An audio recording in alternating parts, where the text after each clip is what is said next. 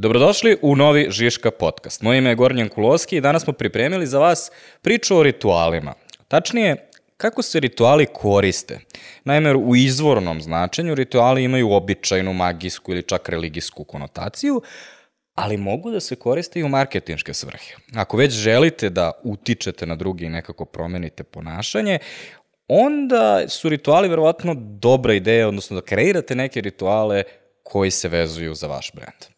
Ako vam deluje da lupamo, ja obećavam da ćemo imati buljog primjera koji ovo dokazuje, a da bi ja to ne bi iznosio sam, uh, ovaj, danas će mi pomoći Ivan Žagar, koji je brand manager u Jafi Crvenka.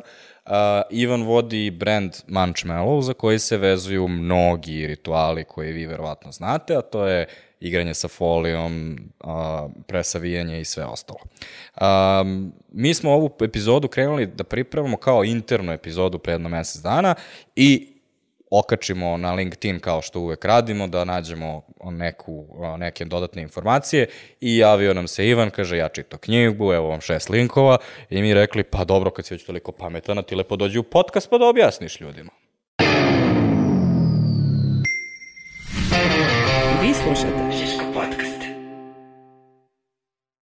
Ivane, obično pitam ljude na početku um, zašto ih interesuje tema, ali u, ovaj, u tvom slučaju tebi to posao, je li tako? Znači, ono, Munchmellow kao brand je brand koji za sebe vezuje dosta različitih rituala. Tako je. A, pored da kažem, čak i samog načina otvaranja, koji je, mogli bismo reći, i kontroverzan, svi imaju, to jest, uglavnom ga ljudi otvaraju sa strane, ali kutija je dizajnirana tako da se otvara na gore, tako da je to ljudima isto čudno. Imali smo onaj viralni tweet pre jedno par godina kad su ljudi to otkrili, I, kad su se šokirali. Tako je, malo, malo Ja to... sam takođe apsolutno šokiran svaki put kada tebe vidim na kejsu, kako ti jedeš manč. Kao burger ga otvoriš. Da. znači, kako to? A, pa, u suštini, e, to jeste cela fora da svako ima svoj način. Tako ja imam svoj način i svi su u pravu. Znači, pričat ćemo kasnije o primjerima nekih, da kažem, jednostranih rituala koji su kao jedini ispravni. E, Manč daje tu slobodu, a, čak smo to i na fokus grupama dosta čuli kad smo slušali ljude. Znači, svako ima svoju foru i, ok, postoje podskupi ljudi koji rade jedni ovo, jedni ono, ali i sama konzumacija uh, da li prvo uh, oljušte preliv, pa pojedu biskvit, pa na kraju penu, ili jedu ceo, ili postoji uh, baš, baš dosta fora, čak uh, i svi nekako imaju uverenje da su svi drugi nisu u pravu i kao niste normalni, tako se ne jede, ovako je, ovako treba. A, čak se ni tu ne zaustavlja, jer se manč ritual nastavlja i nakon konzumacije. Jedan je od redkih brendova koji, koji to ima. E, to je zbog, zbog folije, zbog aluminijske folije čak i najveći hejteri moraju nešto da urade sa folijom. Uh, uglavnom ljudi prave kuglicu i onda se igraju i kao to je valjda najpraktičnije i u prstima taj im je plastelin, a neki peglaju, to je ono OCD i cela priča, a ovi naj, da kažem više, ono, najnapredniji prave neke čak i figurice i to traje. Tako da... Izostavio si me. E, šta ja, ti radiš? Pravim kockice. Kockice, to je da, zanimljivo. Da, Mnogo su, mnogo su ono, taktilnije, napraviš kockicu ovako i, ono, cifraš je, cifraš. Moramo neku kampanju meni da radimo sa tim kockicama. Ove, ne, ali mogu bi da napraviš kampanju gde, gde imaš različite ispise kako ljudi izgovaraju mančmelo. E, to sam zaboravio da kažem. Tako je. Skoro sam uh, čuo jednu baku legendu koja kaže mušmelo. Kao mušmula, samo što je mušmelo. Tako da ćemo to uskoro, ću da vam šaljem, pa ćemo nešto da radimo i s tim, pa možemo i pitam ljude kako oni zovu. Na pijacama ima, piše ono, marshmallow, uh, marshmallow. Tako da, i to je čak cool. Prosto neka ga ljudi zove, zovu kako hoće, ok je da, da to postoji. I da, da, da, da ima potencijal za toliko različitih, da kažem, Sada kada smo nekako intuitivno stvorili ljudima osjećaj šta je to, um, hajde da ono, damo neku definiciju. Uh, postoji ne, ono sad hiljadu učbeničkih definicija, ali u suštini svode se na, na dve stvari, a to je da radiš nešto uh, sa očekivanjem određenog ishoda, bez dokaza da će se to, to ishod desiti, već samo veruješ da će do tog ishoda doći. Međutim, u brandingu uh, ti, ti si u stvari uh, otkrio tog nekog lika, zove se Zain Raj, mm. koji je ovo istraživao i on malo drugačije postavlja, odnosno on počinje sa time kako brendovi od ponašanja evoluiraju rituale. Pa da, u stvari Zain Raž je, e, rekao bih, najveći autoritet na ovu temu u našoj industriji i pisao je knjigu koju preporučujem, Brand Rituali, ostavit ćemo link, ako, nadam se da ćemo naći, mislim da, da, da ima i neki ono, free period ako se ne rađe fizički knjiga. A, pa da, on, on u suštini govori o tri faze, a, da kažem, evolucije do rituala, počinje od navike, a, pa rutina, pa dolazimo do rituala. Navika može se shvati kao neki commodity i nešto što je mislim, ako ne nađem da sipam na benzinskoj pumpi koju volim, ok, sipaću na nekoj drugoj i to je ok, ali kod kafe ili kod nekih brendova koji su sastavni deo našeg života, to već nije tako. On čak ide dotle da govori da su uh, brand rituali sastavni deo nečijih života i da oni bez te konzumacije i tog specifičnog odnosa ne mogu ni da zamisle nešto, osjećaju se iščašeno i e, ne postoji baš prava substitucija toga. Tako da, e, to, to je u stvari taj odnos koji brand gradi sa sa potrošačem. I jedna jaka i, i da kažem intimna veza, tako da... Ali takođe pandan u stvari tome kako možeš i da poređaš te stvari u običnom životu i onda na kraju tog lanca u stvari dolazi ceremonija koja je posebna vrsta rituala koji se dešava u zvaničnim situacijama. Da. A Zain e, ima i još jedan aspekt, odnosno nije dovoljno samo, neće to evoluirati samo, nego celu stvar u stvari vozi priča, odnosno storytelling. Tako je. Storytelling je jako važan uh, deo stvaranja rituala, uh, kojim se rituali produbljuje i nekako mu se daje i uh, dubina, i kontekst, i empatija i kroz te priče te veze budu još jače i ljudi budu još lojalniji tim brendovima i tim specifičnim, da li su to svakodnevni rituali ili već koliko je često konzumacija nije toliko bitno. Ove, šta su brendovi za koje se najčešće vezuju rituali? Ja bih rekao kod nas turska kafa. Kako ti kuvaš tursku kafu? Pa, u suštini, ja mislim kako svi kuvaju kako treba, ali verovatno postoje različite konotacije. Ajde, kako jest, kuvaš tursku kafu? Pa, prvo provri voda, stavim četiri velike, pošto sam veliki frik, puno kafe pijem. Zanimljivo je, tursku kafu sam otkrio tek pre jedno 5-6 godina, da sam bio isključivo espresso. Ok, nes nekada, ono, sam na plaži i to sve. Ali e, bio sam, znači veliki sam fan i dalje espresa, ali ujutro imam ritual turske kafe. Verovatno zbog dužine konzumacije, dok se spremam, dok nešto čitam, dok se zezam, tako da a, kuvam je četiri velike pune kašike, kada voda provri, sklonim sa ringle, stavim, onda promešam, vratim i pustim da se ono podigne sve do fazona vrha džezve. Da li skidaš uh, Ne, sve to sipam krem. zato što obožavam onaj kajmak, onaj fazon gore. E, I uvek se žena ljuti kad meni sipam prvo, njoj manje zapadne i tako. A, na TikToku a, je bio a, jedan video koji je otišao viral, gde je lik rekao, ljudi, to je sve fake. A, uzmite samo tursku kafu, stavite u vruću vodu i pustite da provri. Isto će biti kao. Ja sam probao i ja od sada tako kuvam tursku kafu, a I takođe, pošto sam isto otkrio tursku kafu dosta kasno, ovaj, odnosno otkrio sam ne na poslu, a, onda sam išao od čoveka do čoveka, pitan kako se kuva kafa i dobio sam pet različitih odgovora, da li se skida, da li se, da li kada ono vri, pa onda dok vri, dok bućka, tada treba da je prebaciš ili ne, ne smeš uopšte da pustiš da to provri, nego kao mora da ono babli, babli, babli.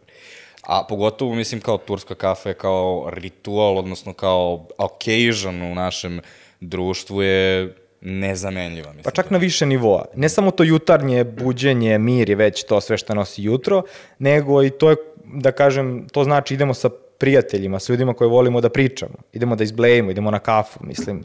Kod nas je dosta, dosta jako to. A, ovaj... A na zapadu bi to recimo bile ploče. Ploče koje su uspele da se održe i pored CD-ova i pored uh, streaminga, ljudi i dalje kupuju ploče. Mislim da je to vezano i za kvalitet, ali i za neku naviku, retro, vintage. Da, znam da sad ono, super novi bendovi i dalje izdaju ono, Arctic ali, Monkeys na pločama. Ono, čak je, i dosta je logično u stvari, kao ako kupiš nešto, tipa platiš nešto od 15 evra, želiš da dobiješ nešto što je ono 15 cm dužine, kao što možeš da uvatiš, što je kao predmet, Tako je, ali ne samo veliko, nego i sadržajno unutra sa raznim kontentom, slikama i to. To smo mi sad zaboravili u ovoj eri, ono, sve je digitalno, sve na klik, Spotify, YouTube ili kako već ko konzumira, mislim. Da, inače reče čovjek ispred papirne biblioteke.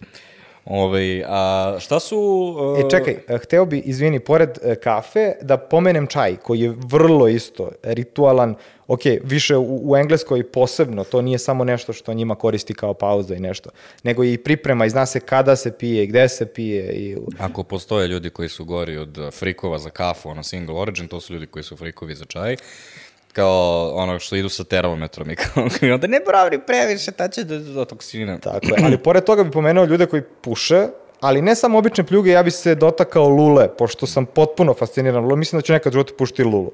Mislim, tako da, a, ok, to mi isto iz, skroz iz prošlosti, kad sam bio klinac, bio je čika Marko, koji je bio kapetan broda, koji je dolazio kod mene kad sam bio klinac, i obožavao sam ga zašto me puštao da kradem na kartama. I uvek sam ga kao pobeđivao i on je pušio lulu.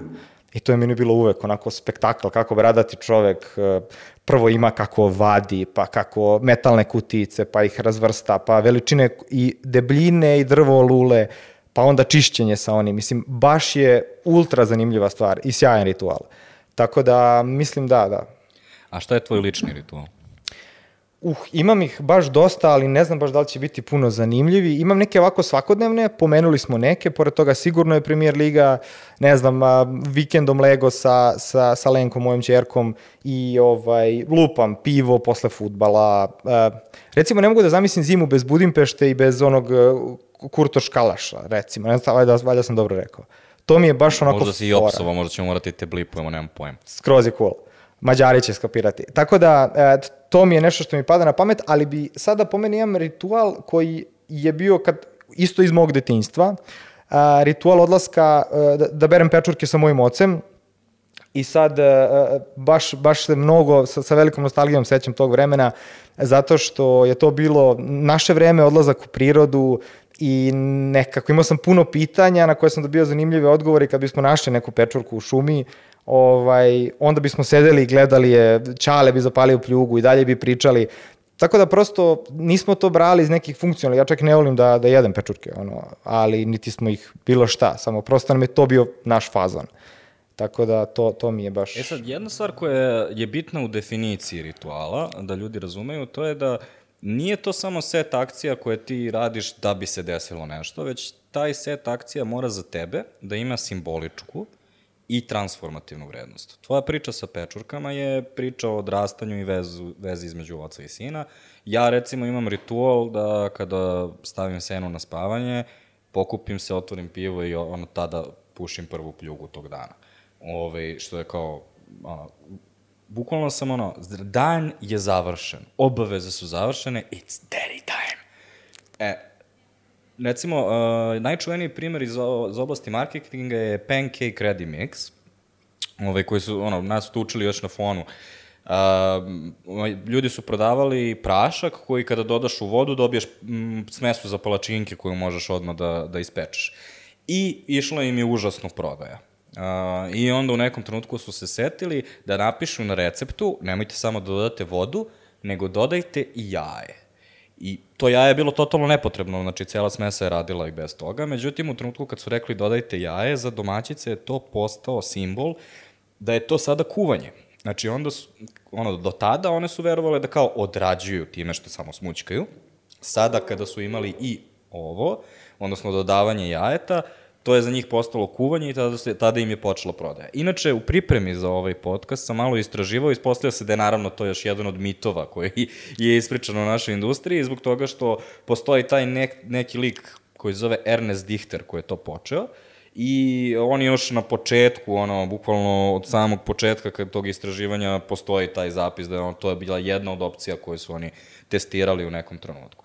Ali ono što je zanimljivije je taj, znači da razmišljamo o ritualima ne samo kao fizički šta taj čovek radi, nego i šta, šta je simbolizam toga. I sad recimo za manč, simbolizam tog igranja sa folijom je u stvari onaj začetak kreativnosti, jel tako?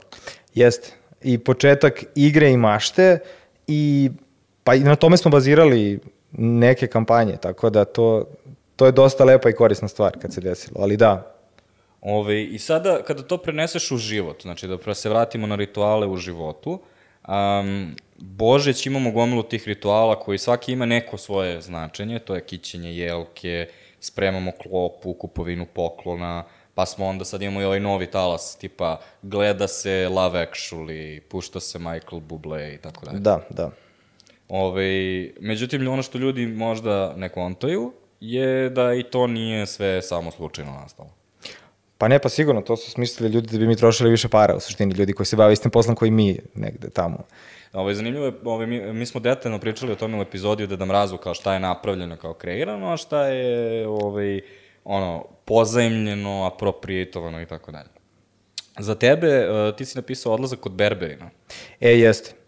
To je poseban, uh, poseban događaj koji je nekako, to je muško vreme, ceo taj, ti ono mirisi retro, sve te procedure koje se prolaze, ne znam, vruć peškir i, i, i ta na neki način taj hedonizam je super stvar, tako da ovaj, i to nazezaju opravdano ljudi, kaže ulazite različiti kod Berbera, izlazite i svi isti, tako da, da i, i pozdrav za brata Dina, tako da to je to je ta priča oko, oko toga, da. Ove, ovaj, odakle dolazi uopšte potreba za, za ritualima i rutinom? Pa ljudi, ja mislim da su u kodu uh, teže to, ne, jednostavnosti, poznatosti, sigurnosti, nečem što im je nekako ponovljivo i na neki način žele nešto ustaljeno i neke navike. Tako da verujem da se zbog toga pojavljuju neke stvari koje nam neke stvari olakšavaju. A, u suštini postoji uvek neka tenzija koju ritual rešava. A, mhm. ako ta tenzija nije eksplicitna, onda je na neki način implicirana. I ove tri najčešće trenutka kada se dešavaju su zvanične situacije, a to je ako ne znaš šta ćeš sa svojim rukama ono u, u običnom uh, životu, zamislite kad kao je kao sad... sve zvanično, kao to ti je bolje da znaš tačno ono što, ko, ko po protokolu šta treba se uradi. A, drugo je kod tragičnih događaja, gde kao ljudi su suočeni sa ogromnom tugom, ne znaju šta da rade. A treći je u, u, suprotno, u totalno srećnim situacijama, ljudi su obično izgubljeni jer a, da li sam dovoljno srećan ili sam sad suviše veliki namćor jer kao nisam ekstatičan kao svi oni ljudi koji su presmeš, presme, previše se smeju na svojim svadbenim fotografijama i tako dalje. Ove, pa, ajde da počnemo, znači, od zvaničnih situacija gde je ritual koji to rešava se naziva ceremonijom. I ti si u stvari dao primer uh, Duna. Pa da, zato što sam ogroman freak, obožavam Dune, mislim da je ovo što se desilo sad sa, sa novim filmom spektakl, ono, toliko detalja i toliko stvari, mislim da bi to zahtevalo poseban podcast bavljenja, nivo, zvuka, kasta, muzike i ok, priče koja je fenomenalna, ali da ne davim, koja je pisana pritom od 65. Tako da, a, a, ok, imaginarna situacija na Arakisu, ali meni je bila zanimljiva da, koliko u stvari rituali zavise od konteksta i od kulture određenog, da kažem, ili naroda ili pod skupa bilo koje zajednice ljudske.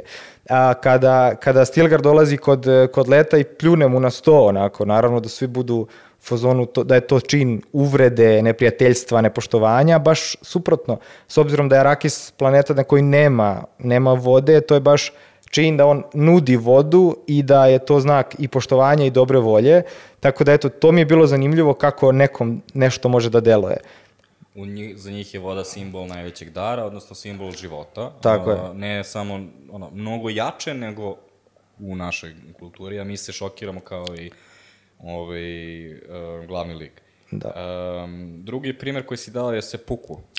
Pa da, e, e, mislim da japanska kultura, e, dosta sam čitao o njoj tokom života, dosta sam se zanimao i za zen budizam, i za samuraje, i za sve to što no, nosi i evo danas na, na tema ima, ima dosta veze sa tim.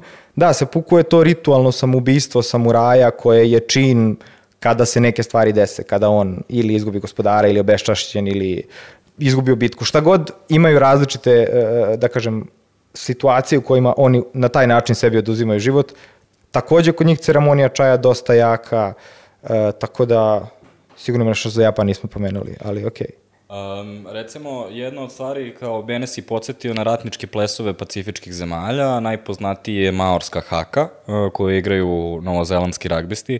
Međutim, svi u stvari ono, igraju i u um, ovoj Tongi i u Samoji.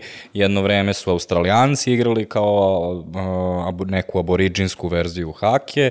Um, svi ti plesovi su um, neka vrsta uh, oni nisu samo kao poziv na bitku, kao što većina ljudi pretpostavlja, zato što tako izgledaju. Uh, ali oni su ujedno i neka vrsta proslave, slave, os, ono, ukazivanja poštovanja. Tako. Jer recimo oni takođe, osim pred utakmicu, igraju u haku i kada neko no, neki, no, ovaj, recimo, nedavno je preminuo jedan jako poznati igrač i kao deo te ceremonije je bila haka koju su igrali svi ljudi koji su sa njim igrali ragbi do tada.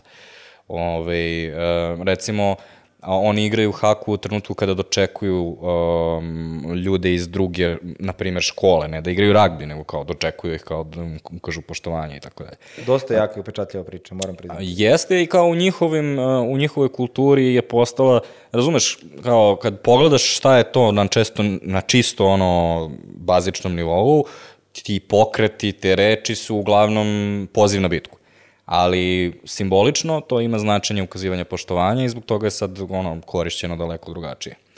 Um, pričali smo i o tragičnim događajima, um, u, ono, u tragičnim događajima, uh, kao što na primjer, ono, kada, se, ono, kada neko umre, Um, najbitnija stvar jeste da imaš te rituale, min, gomilu minjenih rituala koje moraš da, objas, da, ono, da obaviš Jer u suprotnom bi ljudi bili u fazonu, a šta ću sad radim? Kao sad ću da samo da očajavam. I umesto toga da ljudi vrte film ono, o besmislu života i kao koliko su depresivni u tom trenutku, to ono, bolje da imaš pokrio gledala, na, nabavi žito, uh, ajde da se dogovorimo ko će da nosi krst, gde ćemo da idemo vamo i tako dalje, i ko imaš neki taj set stvari koje te ono smiruje na određeni način.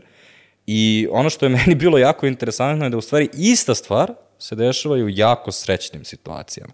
Kao što je, na primjer, opet venčanje. Jer ljudi imaju veoma veliku anksioznost na taj dan, jer ne znaju da li će sve proći ok i šta da rade. I onda dolaziš do onih absurda, ono, hoću ruže na svadbi, ali pošto će sve biti u belom, sve moje ruže moraju isto tako biti u belom, a da mi svi raca, Lukas bele ruže, tako dalje. Ove, ti si dodao polivanje vode studentima pred ispit. Pa da, to je to, to, ne znam da li to samo kod nas postoji, kad mm. kao prospeš vodu za nekim da kao... Da, da ide cool. kao voda. I to je Pazno. u stvari, dosta rituala se u stvari graniči sa sujeverjem. Da. Ove, ovaj, I ono, sujever je u sportu, ono, uvek nosiš jedan isti šorc, recimo, ragbisti imaju to ono, da uđu u zonu, svako ima način na koji šutira, pa onda koliko koraka ideš unazad, pa onda ono, gledaju da glavom kako lopta ide pa pokušavaju kao da vizualizuju da će lopta da prođe tamo i imaju neku posebnu pozu, Johnny Wilkinson koji je jedan od najčuvenijih ragbista ikada je imao neku trčastu pozu koja izgleda užasno smešno. Ove, ovaj, ti si rekao da u ovaj, primjer Nadala i Ronaldo u futbalu. Pa da, Ronaldo ima kako se namesti da, da šutira onako, ovaj, i, i, i Nadal znamo šta on radi, koliko nas mara kada ono radi sve ono dok se koncentriše u stvari i sprema za, za servis.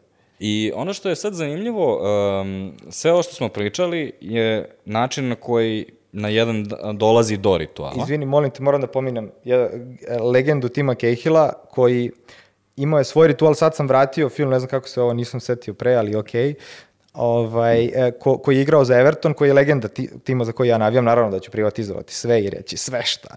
A, ovaj, a, koji kad god je dao go, često je davao golove, odlazio je do da kažem one, Aha, kako se zove? Korner zastavice. E, korner zastavice i boksovo je. I to je bio njegov uh, odraz, pošto mu je Burazer u zatvoru, tako je svaki put pozdravljao Burazera na taj način kada bi to uradio. Tako da, ono, to mi je nekako cool isto.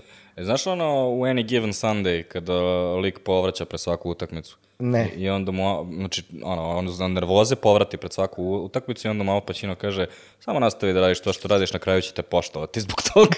pa jeste, jeste. Uh, Elem, uh, nešto što je bitno da ljudi osveste u ovim uh, društvenim fenomenima koje mi stalno obja, ovaj, ovde obrađujemo, pošto komunikacije su ono, praktično društveni fenomeni, je, mi smo sad objasnili kako dolazi do rituala, ali u isto vreme dešava se onda i suprotna stvar, a to je da onda ritual signalizira važnost. To je ono što je kod uh, ceremonije, ali ne samo to, nego ritual onda praktično pretvara uh, priču i neku akciju u iskustvo i uh, to čak može i da se meri, odnosno uh, radili su onaj eksperiment gde su dokazali da hrana koja je konzumirana uz neki ritual ima bolji ukus čak. Sigurno, ja u to ne sumnjam. A, u suštini ono što su uradili je kao podelili su ljude na, na dve grupe. A, ovaj, poslužili su im istu hranu, ali su jednima objasnili, znate, ovo se, ovo, nikako nemojte jesti ovo prvo pre drugog, nego uvek ovo drugo, ovaj, no, morate to da umočite ovako i onako polako, a drugima su samo dali ono u kartonu i kao redite. I onda su posle toga koliko ste bili zadovoljni hranom i ljudi su proseku bili daleko zadovoljniji istom hranom, samo zbog toga što im je objašnjavano kako se ona na veoma specijalan način konzumira. Tako je. Pa dolazimo, iz, da, opet, možda se vraćamo na početak priče, a nismo pomenuli, opet ćemo pomenuti Raža, da, da, da ritual e, prevazilazi samo recimo funkcionalne ili čak emocionalne potrebe, dolazimo do nekih podsvesnih potreba. I a, baš tim, i onda dolazimo do priča. Zašto se nešto dešava, kako se produbljuje i samim tim ima veću vrednost i važnost, tako se uspostavlja odnos između ljudi i brendova, ljudi i bilo šta, možemo svašta nazovemo brendovima, ne moramo da to bude neka konzumacija FMCG ili bilo šta drugo. Tako da, e, ali do, doćemo do još jedne stvari, do, do vrednosti. Da je jako važno da pričamo o vrednostima i da je bitno ljudima da se poklope vrednosti tih koga konzumiraju ili rade ili šta god u šta veruju i, i njihove lične vrednosti, da to rezonuje sa njima. I sad ako ljudima ovo zvuči kao možda malo previše wishful thinking, odnosno ona dva marketara pričaju o tome kako je marketing veoma moćan, dovoljno je da ovo radi samo na najlojalnijim fanovima. Kao nije ti potrebno da svi kontaju, ali ako uspeš da pogodiš mali deo ljudi koji će to skontati, onda će oni prirodno uključiti ostale, zvati ih, objašnjavati im kako i tako će živeti priča brenda. I suštinski ritual će zaživeti, nije ga baš lako nametnuti. To jest, on zaživi prosto kod ljudi. E, mi možemo da ga prikažemo, možemo da ga razložimo. Inače je ritual obično je set nekih akcija i ponašanja koji su nekako parcijalno podeljeni u neke činove ili delove i onda čine celinu koja takođe ima neko vremensko šta ide posle čega, kao što si rekao. Prvo se jede ovo, pa se jede ovo, pa se umoči tu, pa sad, kako već. I ono što je rezultat, um, rezultat ne može da se iskopira. Odnosno... Pa kod na, najjačih, da kažem, tih specifičnih, autentičnih rituala, kon, ko, da kažem, konkurencija ne može da ga preuzme. E, evo opet ćemo se vratiti na, na primjer Manča i na početak priče, kad razmislimo pa koji još od brendova može da uradi ovako nešto što, što mi imamo priliku da uradimo. I ovakav ritual sa ovoliko opcija koje nam daje. Pa ne baš mnogo. Mislim, možda neki mogu, ali se to ne radi. Razmislite šta radite sa Ferrerom. Mislim, samo ga i bacite prosto. Mislim, mm -hmm. drugačije, tako da... Pa to je kao, a, možda su to oba slatkiši, oba su ono, a, x amount of sugar, ali su totalno različiti brendovi, a brendovi su ono što mi u stvari jedemo i ono što registrujemo. Da. I potpuno drugačije percepcije, pozicioniranje, ambalaža kao slična, ali potpuno drugačije konzumacije, tako da to je... Um, da li je moguće da se kreira Pa ne znam, mislim, e, verovatno može da se pojača. Mislim da, da mora da postoji neki fundament, neka osnova na osnovu čega ti želiš da nešto nametneš i kreiraš. Ali nisam baš siguran, nemam baš neki spektakularan primer da kažem. Možda je neko iskoristio ritual, ali od nule ga napravio, Mislim, sigurno ima, ali ne, nemam sad e, odgovor. Pa mislim da je najbolje što možemo da nađemo, to je najviše skreirano, je ono što je De Beers uradio sa um, tri plate. Uh, De Beers inače uh, kompanija koja je uh, koja prodaje dijamante i oni su kroz marketinšku kampanju lansirali priču da, dijama, da verenički prsten treba da ima dijamant i da taj dijamant treba da bude u iznosu tri tvoje plate ako želiš zaista da ispoštuješ svoju verenicu. I da oni zarada love koliko su planirali. Pa sad taj deo su izostavili, ali uh, hoću da kažem da je to možda dobar odnos kao da analiziramo šta se tu u stvari desilo i ovo je recimo moj isto problem i sa Edwardom Bernays-om i sa svim ono tim velikim uh, pričama iz marketinga, to je nisu oni zaista izmislili to što se dešavalo. Znači, nisu oni izmislili da su dijamanti vredna stvar. Nisu ni si prvi ili prvi koji su stavili dijamant u verenički prsten. Ali jesu osetili da postoji nešto i onda su ga malo gurnuli. Mislim, na kraju krajeva, znači ja znam kao neko ko ga ne interesuju dijamanti, znam za priču o tri plate i da imam devojku koju takve stvari zanimaju, znao bih da moram da potrošim tri. A inače bih bio cicija i potrošio bih jednu, jer kao meni je to, uh, daš koliko za jedan kamen koji staviš na prst, znaš. Ali dobar imaju headline, moraš priznati, dijamanti su večni i ceo hype oko toga, to, to može da ima smisla, mislim. A, pričali smo o tome u sad nedavno baš su bili uh, epizoda o sloganima, uh -huh. ove, i kako je došlo do toga i kao koliko su oni uh, ove, radili na tome da dok su došli do toga da, da a, da, uh, a diamond is forever. Uh -huh. I koliko je bitno da je a diamond, nije dijamanti su večni, nego Opa. dijamant je večan. Halid Beš se ne bi složio, on neće dijamante. Ove, ali dijamant je onaj jedan što ti stavim na prste. Na dijamanti to ono, staviš u bušilice, to je nebitno. Pa jeste. Um, ovaj, um, bitna stvar za rituale jeste da iskoristiš sva čula um, i uh, ono, pričali smo o taktilnosti, ukusima, mirisima. Um, najbolji primjer to je možda korona, ali tako? Sigurno. Uh, Mislim, korona pivo. Da, korona pivo. Kor ova druga korona mi je maznula sve to što ovi hoće da do, do, donesu. Pa da, u stvari je to strava, sjajna, uopšte sjajan taj čin i komunikacija. Jer ljudi kad stave taj lime u, da kažem, na vrh ubace u flašu, čak neki stave so, čak i tu postoje neke razne, neko promućka da bi taj prvi brst kao bio strava osvežavajući. Mislim da te to transportuje odmah na plažu i odmah si osvežen gde god da si. A to je super da kreiraš to iskustvo, mislim, zamisli to. Ali kao, pazi, mora da postoji piva, taj ali... level pro, Jest. jer mora da postoji taj lik koji kao ti staviš lime, a ja sam seljačino neuka, da ti ja pokažem, staviš malo soli pre Ali i posebne soli, od ne znam. Da. Ne piranske, neke. Starbucks je odlično to uradio, koji je kreirao od kafe, ceo ritual um, od svojih ka, kafeterija napravio ono što su oni zvali third place, odnosno mm -hmm. nešto što nije posao i nešto što nije kuća, nego je nešto, neki treći prostor koji nikad ni ranije postojao. I ono, najveći najveći kretenizam koji su oni napravili, koji odlično radi, je ono pisanje po šoljama, jer oni su u stvari time uh, želeli ne samo da naprave zanimljive Instagram postove, nego su time u stvari ti davali način kako se povežeš sa svojim baristom.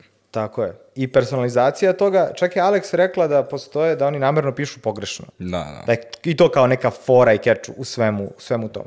Moram priznati da nisam fan Starbucksa. Ne sam, ne brenda, nego generalno tu amerikanizaciju kafe. Ja sam više ono hardcore.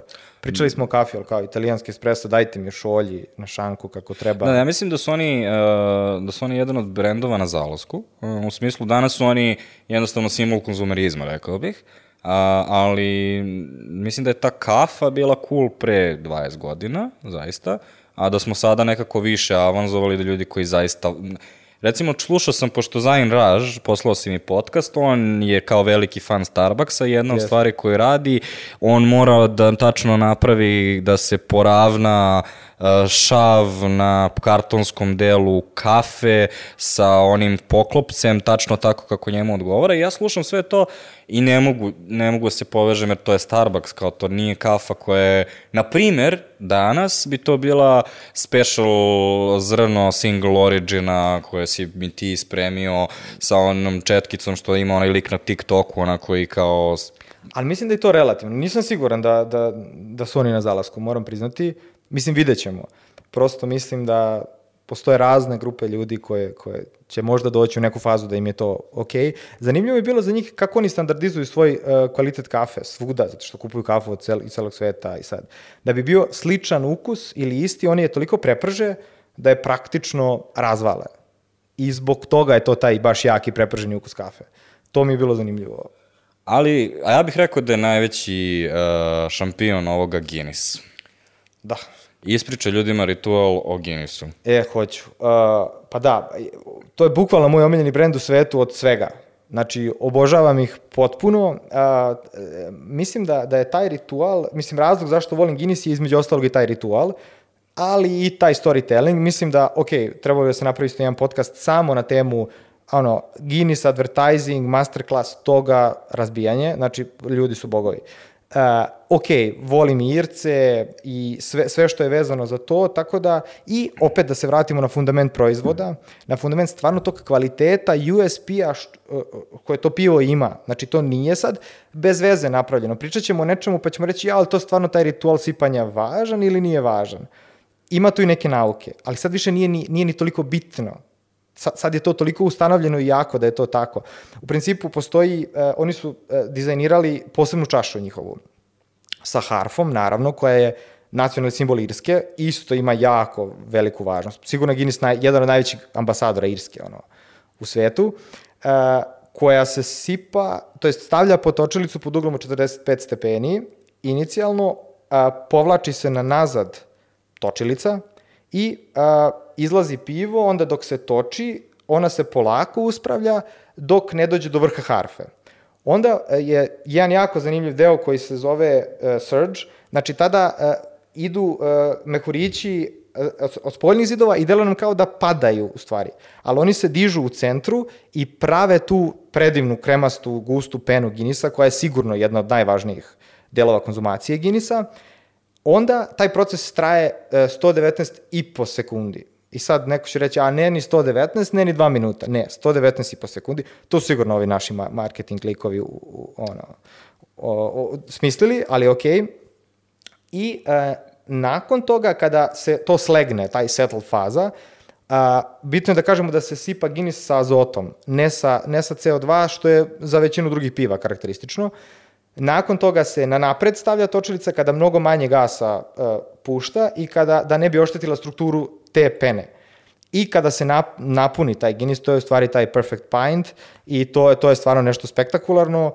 I ono, ja se sećam kad smo bili u Guinness Storehouse-u u, u, u St. James Gate u Dublinu, kada, kada smo ceo taj proces pro, prošli, to je stvarno nešto fenomenalno i spektakularno. Tako da, to nije džabe, ima tu nauke i stvarno je spektakularan uh, ceo taj ritual sipanja. I, ok, uh, šta sam još teo da kažem za to, nemam pojma. Ja sam isto bio u tom, uh, na tom kursu koji ti oni u fabrici prirede, ali sam bio posle nekog debatnog turnira i bio sam sam leven uh, i kao i uvek kad si sam leven, pivo koje popiješ posle toga kad si sam leven je najbolje pivo na svetu.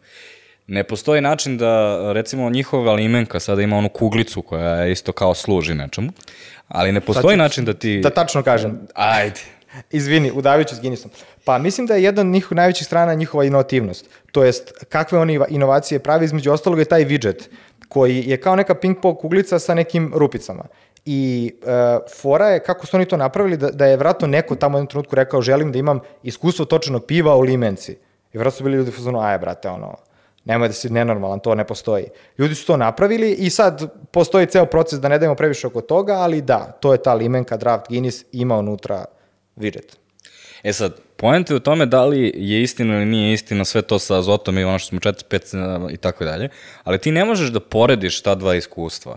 Kao taj trenutak kada su oni meni to objasnili, ja popio to pivo posle toga što sam bio sam leven posle debatnog turnira i toga što sada sedim kući i mućkam limenku, nikad neće biti isto. Um, drugi najpoznatiji primjer na svetu... E, čekaj, još bi se jednu stvar vratio na Guinness, molim te, mislim da je važno, a to je ta anticipacija, to je to čekanje u, koje je vrlo kontraintuitivno. Oni su to napravili da sad ti odeš tamo, platiš, čekaš, hoćeš da ideš u pubu, da uzmeš to pivo, da odneseš, da pričaš ljudima, se zezaš, ti moraš da čekaš dva minuta tu. Ali oni su to uradili i, i znaju da je to dobro. Znaju da to pivo izgleda super i prosto dodatno pojačava vezu tu tebe i tog piva koje ti čekaš. Kao ni jedno drugo. Uglavnom svi hoće ti uzmu lovu što pre, ti si platio, uzmi pivo, cepa i dođi po još jedno. Mislim, stvarno majstori, mislim.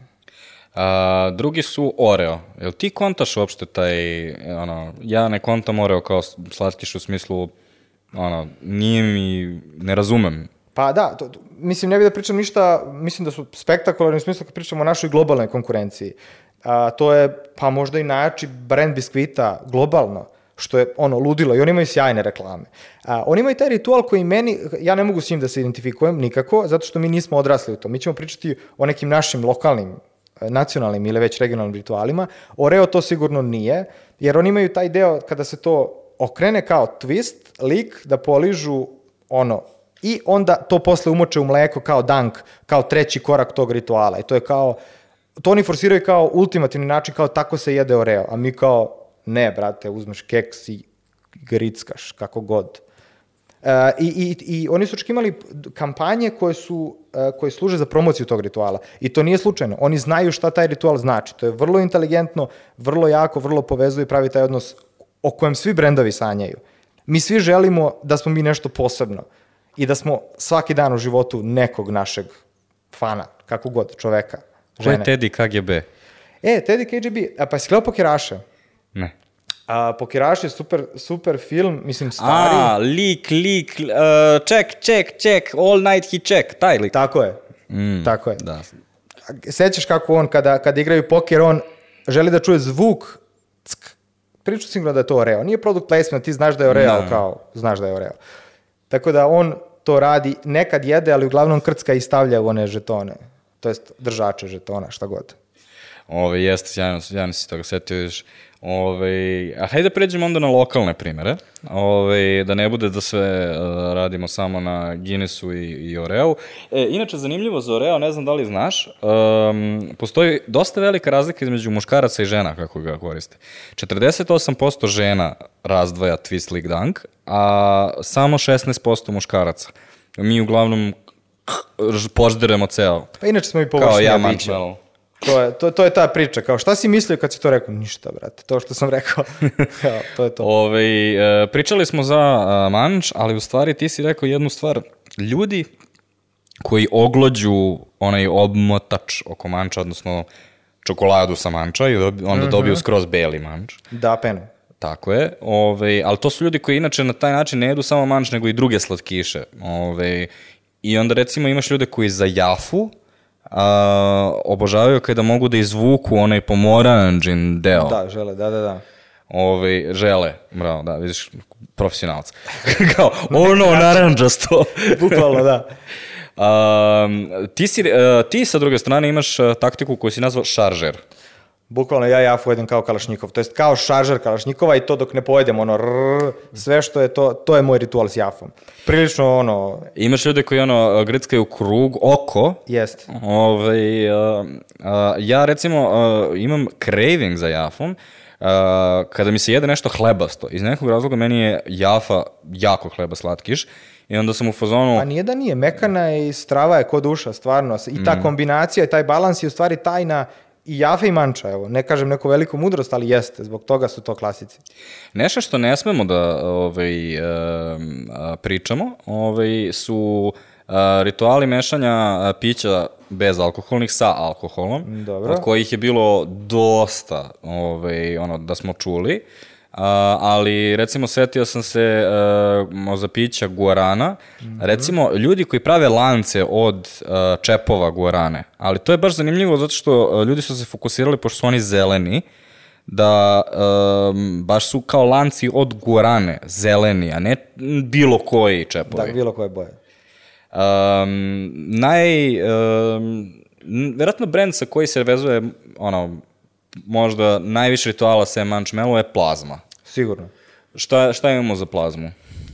Pa oni imaju isto dosta izražene rituale, imali su super kampanju sad, koja se baš zove Plazma rituali, a, koja je po meni čak još bolja u, u, u, u, da kažem, nekim out of home medijima, na nekim city lightovima i billboardima, jer pored toga što je bila vrlo kratka upečatljiva i strava, a, ona je i, i vrlo, a, bila je negde, a, lo- kako bi rekao, kastomizovana, geo, geo u, u zavisnosti od lokacije je poruka. Tako da mislim da je to bilo baš super. Meni je bilo jedno smešno, naravno, zezanje, da je bila tipa, bio je kopij komšinica, jutro, kafica i nacrtan keks i neko je docrtao. Sad možeš misliti šta, meni je to bilo ultimativno smešno. I, i okej je da se to dešava brendovima. To je prosto strava, da to imamo. To kao, kao mim kad se desi, kao kad se dese neke stvari. Ali oni, oni su ljudi potencirali i deo pripreme, više oko pripreme, ali i oko konzumacije, u kojim okeženima, sa kojim ljudima, kojim delovima dana ljudi jedu plazmu. I kao, to je, to je baš super. A, Sara Petrović nas je takođe podsjetila da svakog leta mi obavezno imamo kampanju za plazmu koja te podsjeti plazma za svaki put. Tako je. Nemoj da zaboraviš. Ideš na more, treba da kupiš plazmu. Ali to je skroz i logično i utemeljeno opet na fundamentu i na realnom ponašanju ljudi. Jer kao, Kod nas postoji to kao bolestan si jedi plazmu, ideš na put, jedi plazmu. A, šta god, da, to je bukvalno hrana i ta pozicija je stvarno sjajna, tako da... A, ove, recimo, prva, prva procesuirana stvar, prva industrijska stvar koju je uh, moja čerka pojela je bila plazma. Ove, Pa, što je isto nešto što su... 95% dece Ali isto tako nešto na što nas reklame stalno podsjećaju, jel tako, imamo onu, bila je ona uh, majka nosi bebu, beba nazad drži plazmu. A, no što je meni najzanimljivije? Ove, plazma i mleko. Ali to a, su recimo u jednoj reklami samo jako suptilno ovaj, referirali. Ne znam da li si ispratio tu reklamu gde dečko nešto preskače kauč, a u stvari ima malu šerpicu u kojoj... hladi je za- nešto, sa nekom devojkom je nešto spremao i za film. Da, tako on je, nešto. on je u stvari u šerpici grejao, pošto Da. to je glavna stvar, kao, kako jedeš plazmu i mleko. Jeste, jeste.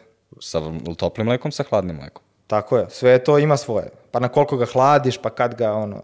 I onda on uzima onako prstić, pa kao da, da se ne opeče. Ove, ali recimo, uh, ono što mislim da je, uh, moj neki zaključak je da nismo na ovom tržištu dovoljno iskoristili te stvari i da, recimo, ja bi celu reklamu baš konkretno bazirao na tome kako, ono, bukvalno reklama počinje kako ti jedeš plazmu i mleko. A oni su to nekako da, stavili u onaj journey, ono, on, o, oni žure pa se vole pa ceo dan pa Pa super. kontekst pa... neke priče realne između Da. dvoje ljudi koji mogu biti, konz... mislim, target, kako god. Uh, ti si se setio ovaj, prelamanje štapića od sladoleda. U stvari Goga, da budemo pošteni, nisam ja, samo sam čitao na LinkedInu. A, zaboravio sam, da. Izvini, Gogo. A, ovaj, pošto javila bi se sigurno bilo i kao, a, žate, nemoj to da klejimo, još nije tvoje. A, ovaj, da, prelamanje štapića da vidimo ovaj, kako, da li nas simpatija voli ili taj neki fazan. Ko, ko, ko, je, ko je to ono genijalni izum? Kao, da, da, kao, gdje, se- gdje se salomi, to je... To, to je taj fazan. Ali recimo, interesantno, to još niko nije iskoristio za kampanju, da?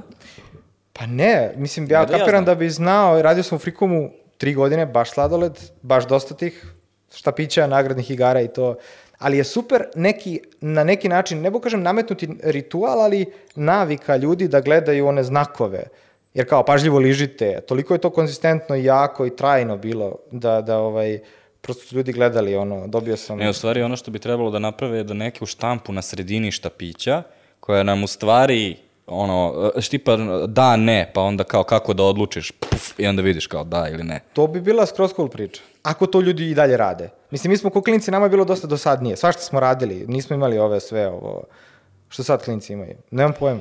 Ovaj, e, ovaj, ajde sad, pošto onda ti si stavljao ovo, ja sam zaboravio da, da to e, smo postavili, e, Next Sokić i kliktanje poklopca.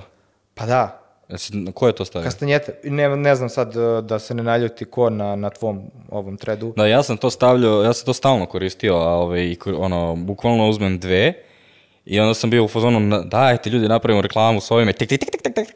Pa cool je. Mislim da nije, nije da, da, da Ali interesantno je, da li se to vezuje za Next Sokove? Meni da. Pa da. Jer ta, to pakovanje nije unikatno za njih, ali ja sam ga prvi put susreo sa Next Sokovima, to je bila ona čuvena flaša koja je imala četiri strane, na svakoj strani je bilo Tako jedno je. slovo. Ja isto to, to imam u glavi. Moram da dodam uh, lizanje... Snapple. Šta je Snapple? Pa Snapple je u stvari likovi koji su prvi napravili ili su barem na, na ono globalu najpoznatiji kao likovi koji su to napravili. I ovaj, neće verovati, oni uopšte nisu isto furali kastanjete, ali oni imaju one poruke ispod čepa. Oni su po tome poznati. Cool, cool, cool, strava.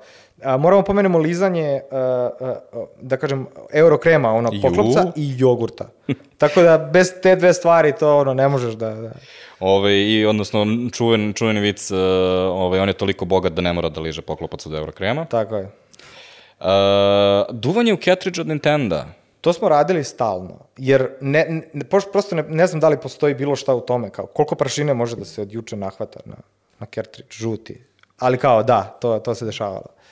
Uh, ali nismo uvek uspešni u tome. Uh, recimo, ovo ja znam opet iz uh, ovaj nekih projekata na kojima sam radio, jedan od velikih problema je što Srbi nemaju uh, tradiciju džusa za doručak koja postoji na zapadu. I onda svi džusevi pokušavaju nekako da nas zamole da kada je doručak, nemojte burek i jogurt, nego ako može da poredi ovaj džus nekako. I kao svaka reklama pokušava da establishuje taj occasion, Da. odnosno da, nap, ono, da, da ljudima u glavi ufiksira da to postoji kao opcija, ali nikako da se nekako zapati previše. Iako recimo ja baš volim da je da ovaj džus uz doručak. Pa ja isto to u Italiji. Mislim da oni imaju taj ono sveto trojstvo, croissant sa nutelom, espresso i, i taj ceđena, baš full, ne sad džus, ono, američki 4 litre, nego tu, to, to je dosta dobra priča. Mogu bi tako da živimo. Ove, I um, setio sam se iz naše epizode iz um, uličnih prodavaca, da nismo samo mi marketari koji su čitali Zajina Raža provagali to. Uh, znaš ko je mađioničar sa buvljaka? Znam dosta likova s buvljaka, ali sam pola detinstva pravio na buvljaku. Da, ti si Mislim- se setio telefon, telefon, ti si ga se setio. Ali, uh, mađioničar sa buvljaka je onaj lik koji uh, ima, um, nosi na žici uh, mikrofon i onda prodaje onaj sekač, to jest oštrač noževa. Da, da. A, I njegov ceo štik je da ono demonstrira te noževe dok ovaj, priča. A, I jedan trenutak njegovog celog skeča, pošto on improvizuje taj skeč, ali takođe vidiš da su delovi veoma proračunati i onda ima ono, seče listove, seče ovaj, um, keramiku, svašta nešto. A, jedan trenutak je magični ritual kako se uopšte oštri nož. Nož držite samo ovako, na drugi način nemojte. Tri puta jako, jednom polako. Doktor. To je neki pijačni pile teleshop, čovjek zna šta radi, brate. Ne, on je, on je Pazi, ma- mi ga sad pominjemo pamtimo, znači uspeo je nešto, čovjek. Ovaj, e, ja, ono, kao i prošli put, po, ono, pozivam ljude da pogledaju kao bukvalno masterclass ovaj, u prodaji. Uh, Elem, to je sve što smo prime, pripremili za danas. Izuzev, ja imam jedno iznenađujuće pitanje za tebe. Ti i uh, Minić ste ovaj, uh, postavljate pitanje ljudima uh, šta si hteo da budeš kad porasteš, a ja mislim da ljudi nikada ne odrastu, tako da želim da te pitam šta ćeš biti kad odrasteš. E, još ne znam. Uh, još ne znam, za sad mi je super. Uh, mislim da, da ovaj posao što sad radim daje dovoljno širine i previše super ljudi upoznajem i opet radimo neke stvari s kojima sam srećan. Da još ne znam, a u trenutku kad se smorim, verovatno ću promeniti celu industriju i sve. Nemam pojma šta ću raditi. Možda ne bi ni da zvuči ni pretencijozno ili bilo šta, ne znam da li uopšte i znam bilo šta drugo da radim. I ovaj, tako da nisam siguran. E, A i da li- Petar Pan je uvek opcija. Jeste, jeste, tako da vidjet ćemo šta će se desi. Hvala ti puno što si uh, spremio ovaj podcast. ovaj, Ti si. ja sam ga spremio jednom, ti si ga spremio drugi put, pa smo sada izneli ljudima ovaj nešto što verujem da je ono smislen razgovor. A vi ako ste došli ovde, uh, dopala vam se priča sigurno, a želimo da čujemo više od vas. Uh, pišite nam u YouTube komentarima, pišite nam uh, šta mislite o ovoj epizodi, koga bismo još trebali da dovedemo, šta su teme kojima bismo trebali da se bavimo. A, a ako nas pratite na YouTube-u ili na svim audio platformama, ja uvek preporučujem ne samo za ovaj podcast, nego i za sve podcaste, zaređajte prethodne epizode i prethodne teme koje vas interesuju. Ovo što mi pričamo ne zastareva toliko brzo, Pomenuli smo magičnog a, mađioničara sa buvljaka iz epizode 111 o uličnim prodavcima, A ako vam se svideo Ivan i, i ovaj, kako razmišlja, onda imate epizodu broj 15, a, e, ovaj, veoma davno, ali tada je pričao o tome kako se prave reklame. A, čuli ste da bacam neka imena, to su ljudi koje um, ovaj, uh, pitamo na LinkedInu da nam pomognu u pripremi, tako da zapratite me na LinkedInu ako vam je to interesantno. I uh, ja vam želim do slušanja, pošto podcaste niko ne gleda, i odak da rade novu žrtvu, da pripremi neku novu temu, žagare, ja sam krenuo da jedem, ti odjavi podcast do kraja. Ćao ljudi, ovo nisam radio do sada, ali kao, hvala vam.